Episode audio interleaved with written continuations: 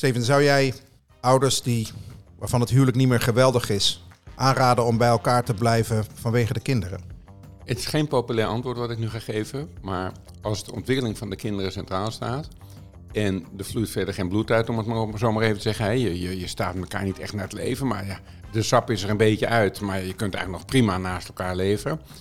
Uh, dan is het inderdaad goed om voor, bij elkaar te blijven voor uh, de kinderen. Als je van de kinderen uitgaat. Ja, want je denkt daarbij aan de gevolgen van een echtscheiding. En daar gaan we het dus deze aflevering over hebben. Ja. Die zijn niet gering. Die zijn niet gering. En uh, daarom is dat. Uh, het is wel zo dat als, het, als er echt heel veel spanning thuis is, hè, dus dan is het wel een goed idee. Je luistert naar de 018 Bennis en Podcast. De podcast over de ontwikkeling van kinderen tussen de 0 en 18 jaar. De podcast wordt gepresenteerd door twee vaders. Steven Pont, ontwikkelingspsycholoog en systeemtherapeut, oprichter van het internetplatform 018. En voormalig journalist Martijn Bennis, tegenwoordig directeur van het ANP.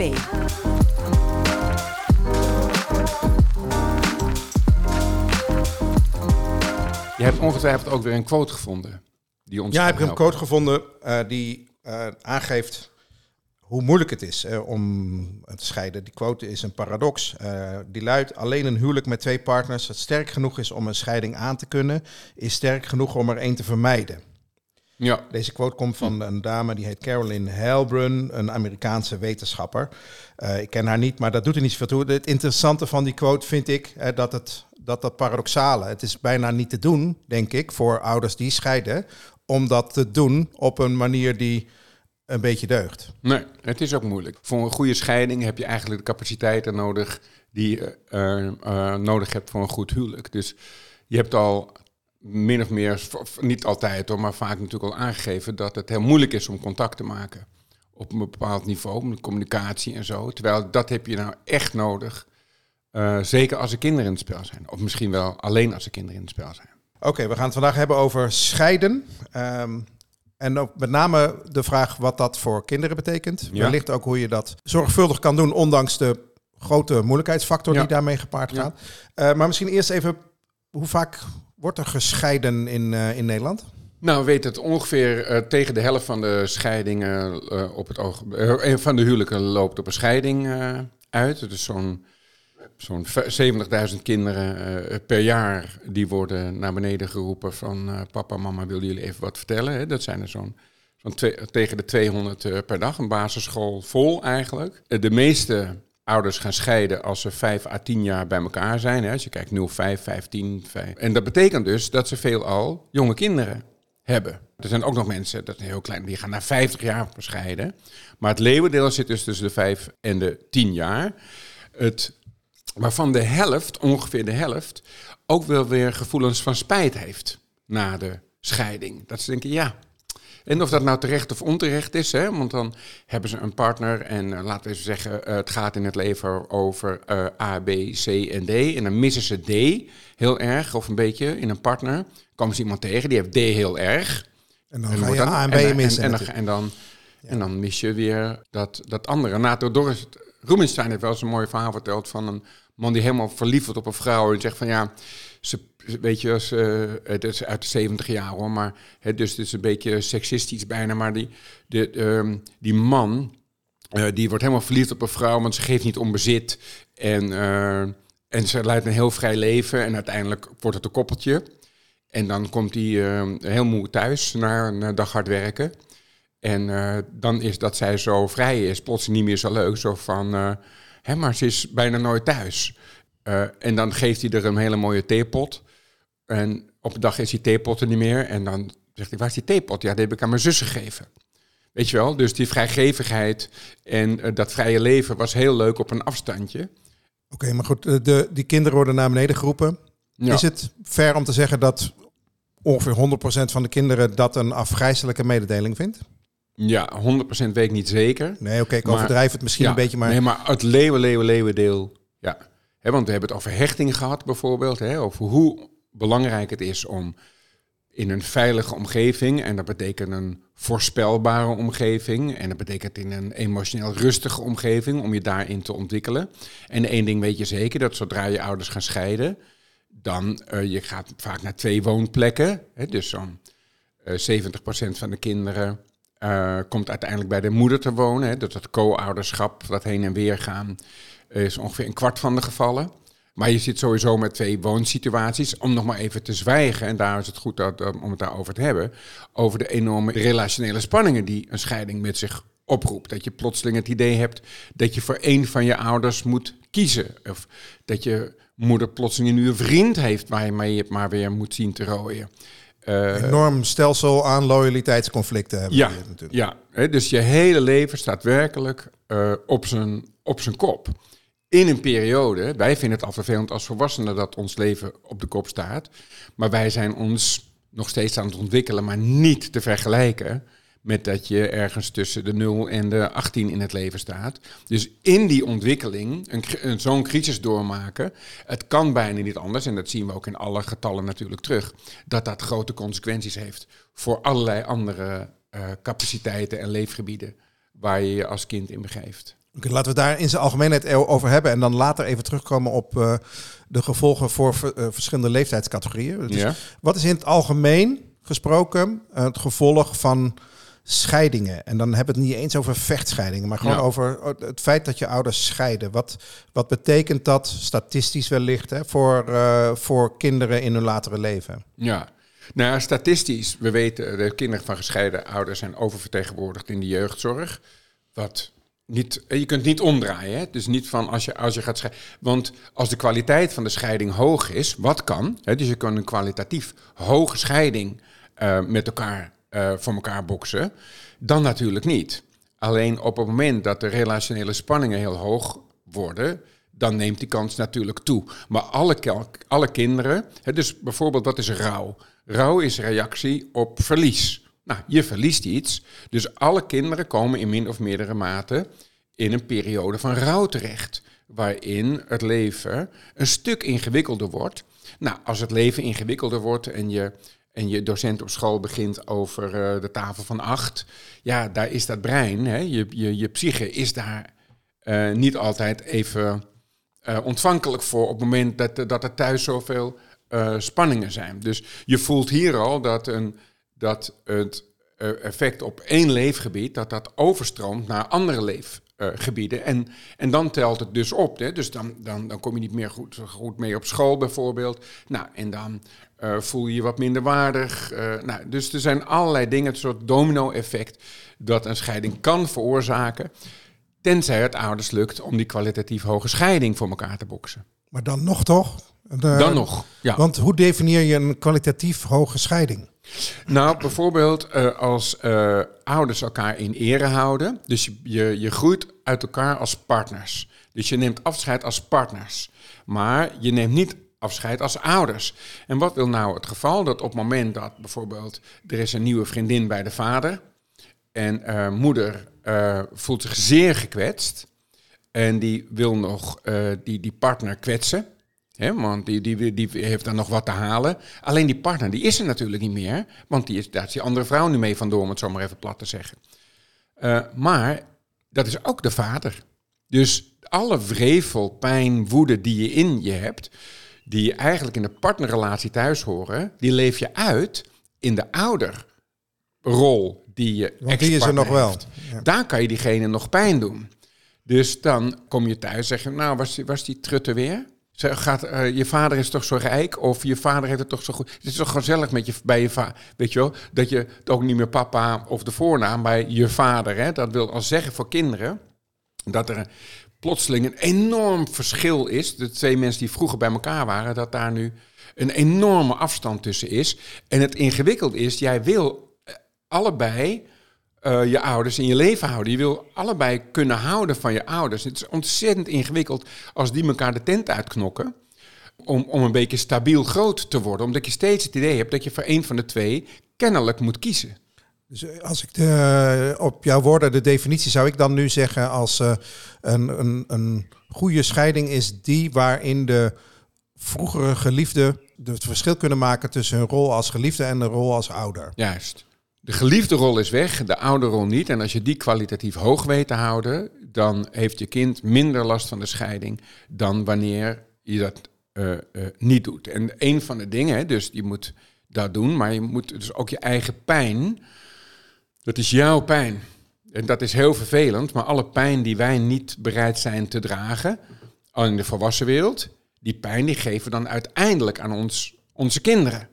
Want dan gaan we onze eigen pijn ontladen door onze ex-partner zwart te maken of door allerlei andere dingen.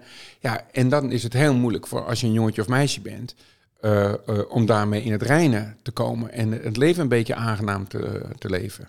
Ja, dus wat jij zegt is als je, een, als je dat niet goed doet en je belandt daarmee in een vechtscheiding, hè, een heftige of een minder heftig, maar in ieder geval in een, ja. in een, in een wat vuilere scheiding, ja. dan ga je je kinderen beschadigen. Ja, dat, dat durf ik wel te zeggen. Ja. En, dan, en dan in, altijd weer in min of meerdere mate. Maar zeker, vechtscheiding wordt een beetje, dat zijn we ook wel een beetje van af. Omdat bij vechten heb je een winnaar en een verliezer. Uh, uiteindelijk wint dan de ene partner. Uh, en het idee is proberen dat die term een beetje weer uit de mode te krijgen. Het dus wordt nu een complexe scheiding genoemd bijvoorbeeld. Okay. Omdat uiteindelijk in dat winnen of verliezen, verliest uiteindelijk toch wel de ontwikkeling uh, van een kind. Omdat voor ontwikkeling die, die rust en die veiligheid en die, en die voorspelbaarheid en zo, zo belangrijk is. Nou, ik wil niet uh, jouw beroepsgroep uh, terminologie ontzeggen, maar in een vechtscheiding zijn ook verliezers, als ik jou zo hoor, mm-hmm. namelijk de kinderen. Ja. Dus in zoverre is het, uh, is het wel echt een vechtscheiding. Ja. ja, het is wel een echte vechtscheiding. Alleen als we bij ouders, hè, dus dan proberen ze allebei te winnen, want dat is het idee van vechten. Terwijl mensen moeten naar een compromis gebracht worden. En het zijn inderdaad woorden. Uh, Eigenlijk zijn in de gevechten al, altijd alleen maar verliezers. Dat die, uh, maar goed, nou laten ja, we... Laten nog, we... nog meer reden om dan vechtscheiding uh, aan de kant te zetten. Oké. Okay. Um, nog even door over de ontwikkeling van kinderen. Dus als je in een, een, een, scheiding is al moeilijk genoeg. En dan heb je een, een zeg maar, goede scheiding en een minder goede scheiding. maar kinderen, zeg jij, die belanden vaker in de jeugdzorg. Wat nog ja. meer? Wat is nog meer het gevolg van een, van een scheiding? Nou, um, uh, meer hechtingsproblematiek. Hè? Dus uh, bijvoorbeeld uh, tussen 0 en 2, hè? Dan waar het zo belangrijk is om het besluit te nemen van... hey, is dit een veilige wereld of is dit een onveilige wereld? Dat is waar je dan achter moet zien te komen. En als je, als je erachter komt van... hey, de wereld is onveilig, er zijn schreeuwende mensen of er zijn enorme spanningen... dan denk je niet alleen, want dat is de rol van de hechtingsfiguur... denk je niet alleen, ja, deze mensen zijn onveilig, maar dan is de wereld onveilig. Nou, en uh, dan zien we dus op latere leeftijd allerlei ingewikkeld gedrag terug. Naar aanleiding van dat een kind een mentaal werkmodel heeft gemaakt van de wereld. Zo noemen we dat mentaal werkmodel. Dus een soort blik op de wereld van hé, hey, je moet niet te veel op andere mensen rekenen. Je moet gewoon alleen goed voor jezelf zorgen. Ook als ouders uit elkaar gaan, heb je minder identificatiefiguren. Hè? Dus bijvoorbeeld een, voor een jongetje is het fijn om een soort mannelijk rolmodel in je omgeving uh, te hebben. Uh, en voor meisjes en, en natuurlijk idem dito. Um, en als dat minder is, omdat je vanwege de scheiding, dan ga je daar uh, eventueel last van hebben of een minder complete ontwikkeling. Juist, hè, dus je identificatiepersonen zijn dan, ja, die, die zijn niet zo rijk als rijk aanwezig als, als je eigenlijk zou willen als je, als je in ontwikkeling bent. En en, en dan, als je wat ouder wordt en je intellectuele capaciteiten nemen toe en je abstractieniveau neemt wat toe, dan zien we ook dat kinderen zichzelf de schuld gaan geven van die scheiding. Dus ze gaan ideeën ontwikkelen. Van hé, misschien was ik niet lief genoeg. Dus mijn ouders zijn gescheiden. En die egocentrische fase die kinderen nu eenmaal hebben, waarin ze dingen op zichzelf betrekken, dan betrekken ze ook de scheiding van de ouders soms op zichzelf. En dan uh, denken ze dat ze daar zelf een rol in gehad hebben.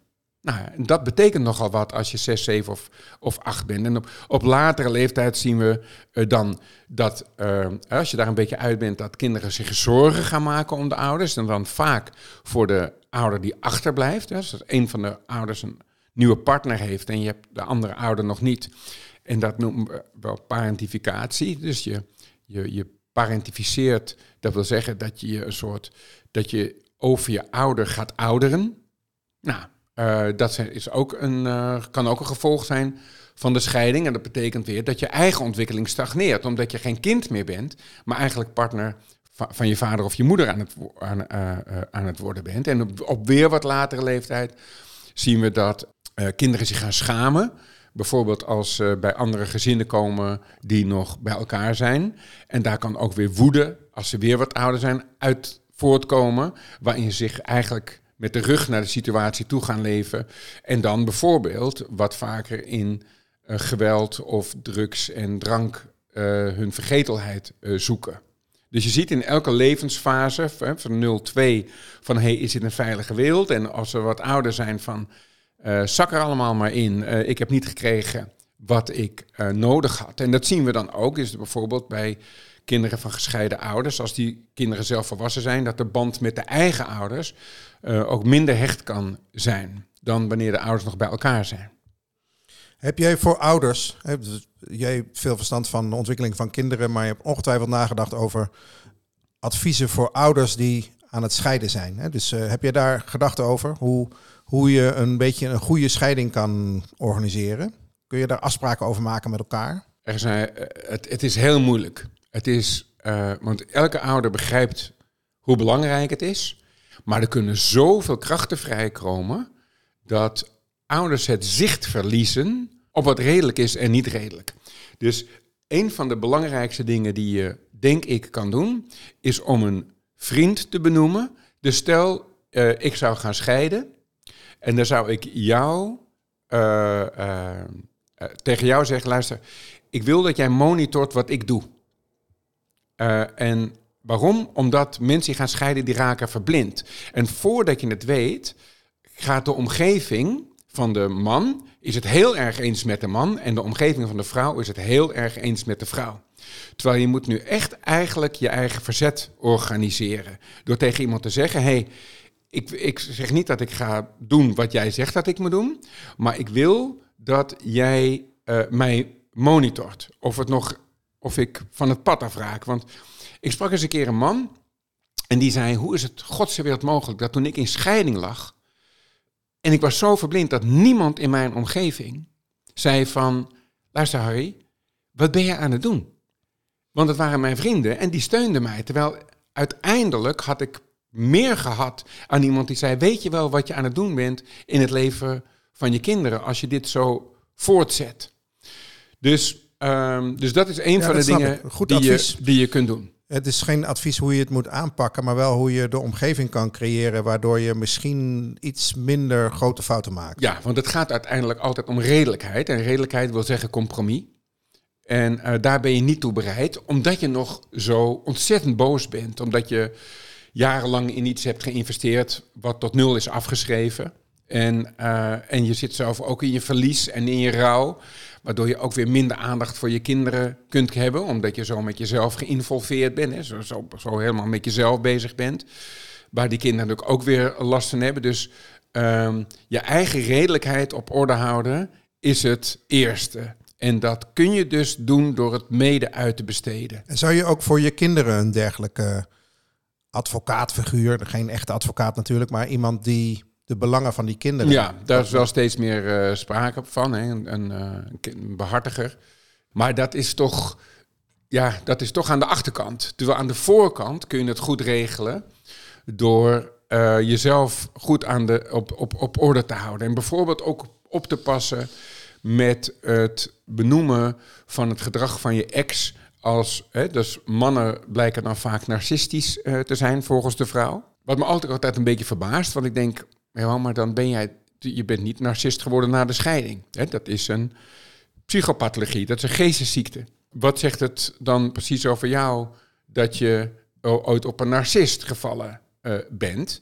Uh, dus pas een beetje op met. Hij, hij verandert, inderdaad. Hè? Want hij is voor zichzelf begonnen en hij is woedend en wat dan niet. Maar als je zegt hij is een narcist, daarmee schroef je het helemaal vast. Daarmee schroef je het helemaal vast. Terwijl hij vertoont heel moeilijk gedrag, hè, gezien dat situatief, hè, door de situatie. Of vrouwen, blijken dan, alle, hè, krijgen de amateurdiagnose van de mannen dan van borderline. Het is een, mijn ex heeft, eh, blijkt een borderline stoornis uh, uh, te hebben. Terwijl daar los je het niet mee op. Ik wil niet zeggen dat het niet waar is in sommige gevallen, maar het aantal diagnoses die gaat altijd door het dak heen na een scheiding. En eh, daarmee onschuldig je jezelf dus. Het ligt niet aan mij, ik heb geen rol, want de ander is gek.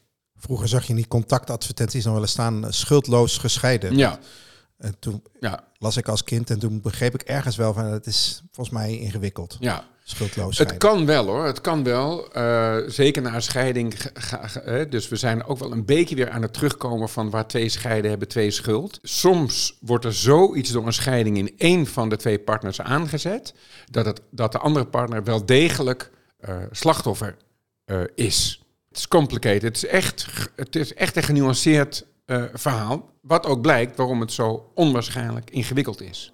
Wat mij ook ontzettend lastig lijkt, is dat als je vindt dat je partner onzuiver handelt of gemeen handelt, om het niet dat gedrag te over te nemen. Ja. Hoe ga je je verdedigen als die ouder jouw kinderen Ja, op een bepaalde manier informeert? Of hoe ga je dat dan niet doen? Ja, door, en dat bedoelde ik net van, door, zelf die pijn te lijden. Dus als je zegt, kinderen, ouders zeggen, ze, eh, mijn, kind is mijn allesie. Mijn kinderen zijn mijn allesie. Als een kind werkelijk je allesie zijn, dan eh, ben je dus ook bereid om strategisch te deescaleren. Dus ook dingen die je, die heel onrechtvaardig vindt, om de ontwikkeling van je kind op nummer 1 te zetten. Zeg maar, mijn kind op nummer 1, zet de ontwikkeling van je kind op nummer 1. En de, de ontwikkeling van je kind wil zeggen dat je pro- steeds probeert te deescaleren. Ook als het jezelf pijn doet. En dus niet het, eh, het gedrag van je ex overnemen. Ja, en dat is heel erg ingewikkeld, want je hebt nog een rekening te vereffenen. Ik, hè, dus al die dingen komen samen. En de ouders die de ontwikkeling van hun kind hoog houden, eh, die kinderen lopen weer een verminderde kans op eh, al die klachten, ellende. problemen waar we het net over hadden. Oké. Nou ja, het is open deur van je welste, maar het is ingewikkeld. Dat hebben we een paar keer gehoord. Super ingewikkeld. Eh, reden te meer om erover na te denken. Misschien ook als het, als het nog goed is, allemaal. Dus een Ja. beetje na te denken over hoe je... Ja. Of heeft dat geen zin? Als het goed is, is het makkelijk praten. Nou misschien. ja, dan is het makkelijk praten, maar dan kun je wel bijvoorbeeld de financiën goed regelen. Want geld, hè, eh, geld en emotie, die betekenen ongeveer lekker. hetzelfde. Maar die twee dingen, hè, dus eh, benoem iemand en draag wat je kunt dragen. Want als jij het niet draagt, dan geef je het vaak toch je kinderen te dragen. Je hebt geluisterd naar de 018 Bennis en Podcast. Heb je vragen of suggesties? Mail dan naar podcast.018.nl 018 schrijf je als NUL en dan het getal 18.